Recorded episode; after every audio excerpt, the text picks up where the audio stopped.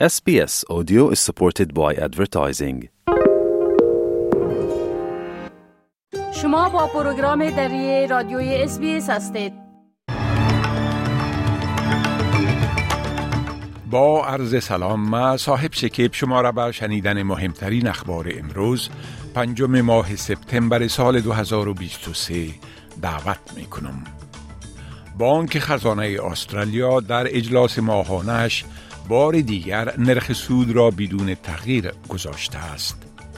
قرار است حکومت طالبان با مقامات ایرانی درباره سرنوشت افغانهای محکوم و جزای اعدام در آن کشور مذاکره کند.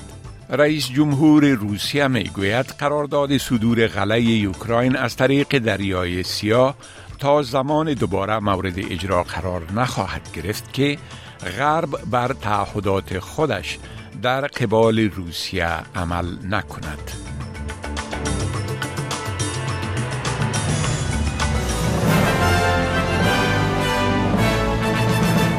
تفصیل اخبار بانک خزانه استرالیا در اجلاس ماهانش بار دیگر نرخ سود را بدون تغییر گذاشته است.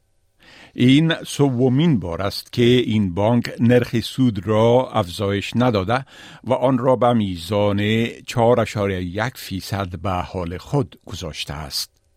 به نظر می رسد که پایین آمدن میزان تورم از 8.4 فیصد در ماه دسامبر گذشته به 4.9 فیصد در ماه جولای در این تصمیم بلند نبردن نرخ سود نقش داشته است.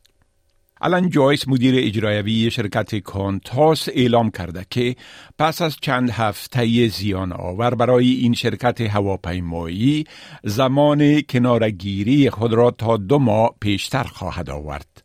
الان جایس در بیانیه به سازمان تبادله سهام ASX گفته که برای او معلوم شده که تمرکز کانتاس باید بر تجدید اجراعاتش باشد.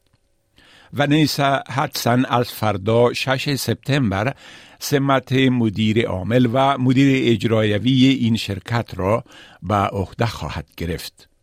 تانی برک وزیر روابط محل کار می‌گوید که اعلام این موضوع از مدت در نظر گرفته شده بود. As employment minister, as workplace relations minister, I've been very conscious that when we talk about the labour hire loophole, most companies don't use it. But Qantas is a company that has been using the labour hire loophole in a pretty extraordinary way. My objective is to make sure that people at Qantas are paid fairly. I look forward to working uh, with the, the new CEO, Vanessa Hudson. تانی شلدن سناتور حزب کارگر و رئیس سابق اتحادیه کارگران بخش ترانسپورت میگوید که هیئت مدیره کانتاس هم باید در رابطه بر رفتار این شرکت پاسخگو باشد. They're hiding behind this announcement to avoid their responsibility to make sure the loophole that they've created and the companies across the economy have been following they need to turn around and say they're backing the Australian public, they're backing Australian customers, and they're going to turn around and make sure there's a difference and a change to what's happening with regards to this company's operation. And if that doesn't happen, Richard Goiter should go when the November AGM comes up. Otherwise, uh, the company should be held to account on every front. حزب گرینز می گوید که جزیات قانون روابط کارگری حکومت را که هدف آن رفع خلاهای است که در حال حاضر به کارفرمایان اجازه می دهد که با کارگران اجارهی به تناسب کارمندان استخدام شده ایشان حقوق کمتر بدهند بعد دقت بررسی خواهد کرد. این حزب می‌گوید که در نشست به شرکت همه اعضایش این لایحه را که بعد از ظهر دیروز به مجلس نمایندگان پیش شد مورد گفتگو قرار خواهد داد و همچنان قصد دارد با حکومت درباره جزئیات آن صحبت نماید. ادم بند رهبر حزب گرینز می‌گوید که آنها هنوز تصمیم در مورد چگونگی رای دادن به آن نگرفتند اما به صورت عموم از اصول برای بهبود وضعیت کارگران حمایت می کنند. For too long, workers have been exploited in this country, and too many people have found themselves getting paid less than the minimum wage. And And that's all because uh, employers, big corporations, have been able to say, well, you're not an employee, so we'll pay you less than the minimum wage. جیمز پترسن سخنگوی جناح مخالف برای امور داخله می‌گوید که هنوز هم صدر اعظم انتونی البنیزی این فرصت را دارد که از همه پرسی برای ایجاد صدای بومی ها در پارلمان صرف نظر کند. این در حال است که یک نظرسنجی جدید گاردین حاکی است که اکثر استرالیایی ها قصد دارند در همه پرسی صدای بومی ها به پارلمان به روز 14 اکتبر رأی منفی بدهند. این نظرسنجی همچنان نشان داده که یگانه دسته سینی رای دهندگان که اکثریتشان از ایجاد صدای بومی ها در پارلمان حمایت می کنند مردم 18 تا 34 ساله هستند. آقای پترسون به سکای نیوز گفت که این پنجره فرصت صرف نظر کردن به سرعت در حال بسته شدن است. Well, he has said that if this goes down, it will have terrible consequences for Indigenous Australians and Australia's international standing in the world. If he really believes that, mm. he should look at this polling and say, Do I want to put the country through this? He's got a choice. The writs haven't been issued yet by the AEC. This is a final opportunity for him to change course, and I think he should take it. حکومت طالبان میگوید که قرار است با مقامات ایرانی درباره سرنوشت افغانهای محکوم به جزای اعدام در آن کشور مذاکره کند. به گفته وزارت خارجه طالبان قرار است یک هیئت قضایی ایرانی به خاطر بررسی دوسیه های افغان های محکوم به اعدام در ایران به کابل سفر کند. وزارت خارجه طالبان در اعلامیه گفته است که امیرخان متقی سرپرست وزارت خارجه حکومت طالبان و حسن کازیمی قمی نماینده خاص رئیس جمهور ایران در امور افغانستان و سفیر این کشور در کابل درباره این موضوع صحبت کردند. زیا احمد تکل معاون سخنگوی وزارت خارجه حکومت طالبان قبل از این در مصاحبه با تلویزیون ملی افغانستان گفته بود که 200 افغان در ایران در معرض مجازات اعدام قرار دارند. او اظهار داشت که حکومت طالبان با ایران به یک تفاهم رسیده تا حکم جزای اعدام بر این عده از اتباع افغانستان تطبیق نشود. ولادیمیر پوتین رئیس جمهور روسیه می گوید تا زمانی که غرب به تعهدات خود برای تسهیل صادرات محصولات زراعتی روسیه عمل نکند قرارداد غله که به یوکراین اجازه می دهد غلات را مسئولانه از طریق دریای سیاه صادر کند دوباره مورد اجرا قرار نخواهد گرفت. آقای پوتین این اظهارات را پس از دیدار با رئیس جمهور ترکیه رجب طیب اردوان به عمل آورده است. آقای اردوان همراه با سازمان ملل متحد در نیل به این توافق تعلیق شده غلات که برای تأمین غذای جهانی ضروری دانسته می شود میانجیگری کرده بودند. روسیه از تمدید قرارداد امتناع کرده و شکایت دارد که توافق مبنی بر رفع موانع بر سر راه صادرات مواد غذایی و کد روسیه رعایت نشده است. گالب داله همکار مؤسسه تحقیقات امور بین المللی چاتم هاوس می‌گوید فقدان یک قرارداد غله که به یوکراین اجازه دهد که آزادانه غلجاتش را صادر کند تأثیر شدید بر امنیت غذایی جهانی خواهد داشت.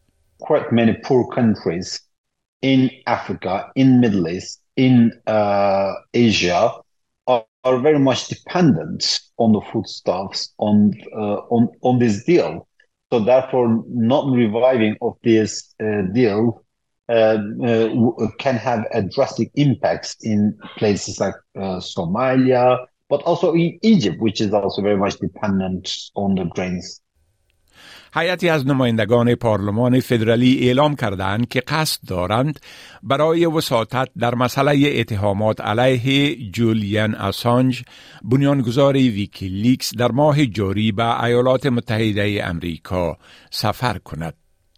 این هیئت با اعضای کانگرس، وزارت خارجه و وزارت عدلیه ایالات متحده امریکا دیدار و آنها را متقاعد خواهند کرد که تا از تلاش برای انتقال اسانج به امریکا به خاطر 17 تهمت جاسوسی دست بکشند.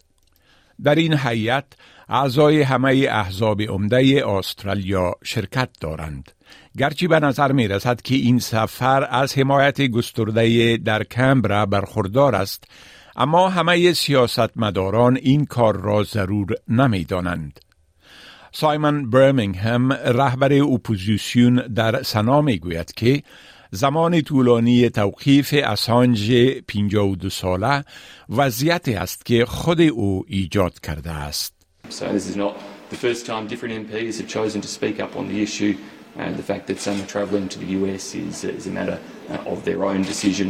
Uh, I acknowledge that this case has gone on for a very long period of time, but much of that uh, period of time, many of the delays have been a function either of the time Mr Assange chose to be in the Ecuadorian embassy, uh, which added years to these processes, or of course at present are the function of the different appeals that he is entitled to pursue to decisions that have gone against him in the court processes.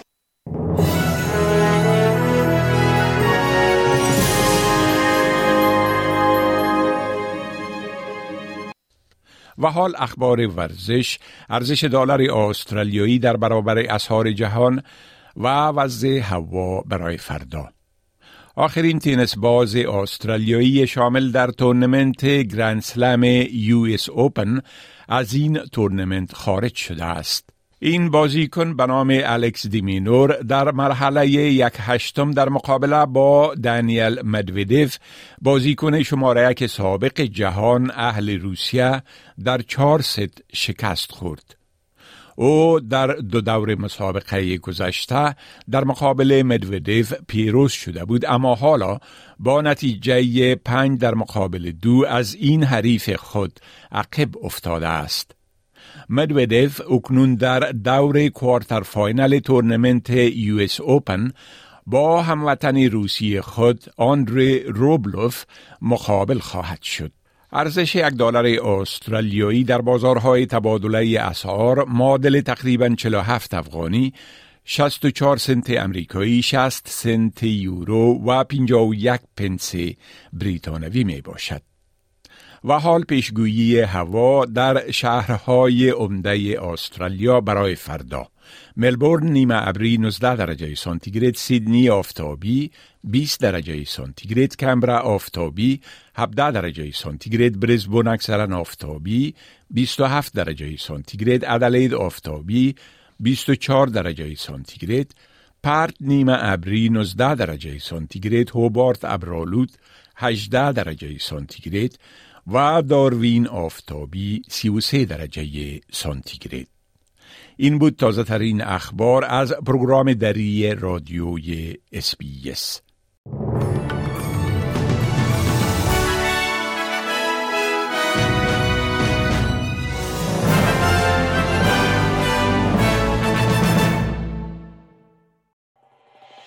می خواهید این گونه گزارش ها را بیشتر بشنوید؟ با این گزارشات از طریق Apple Podcast، Google Podcast، Spotify و یا هر جایی که پادکاستتان را می گیرید گوش دهید.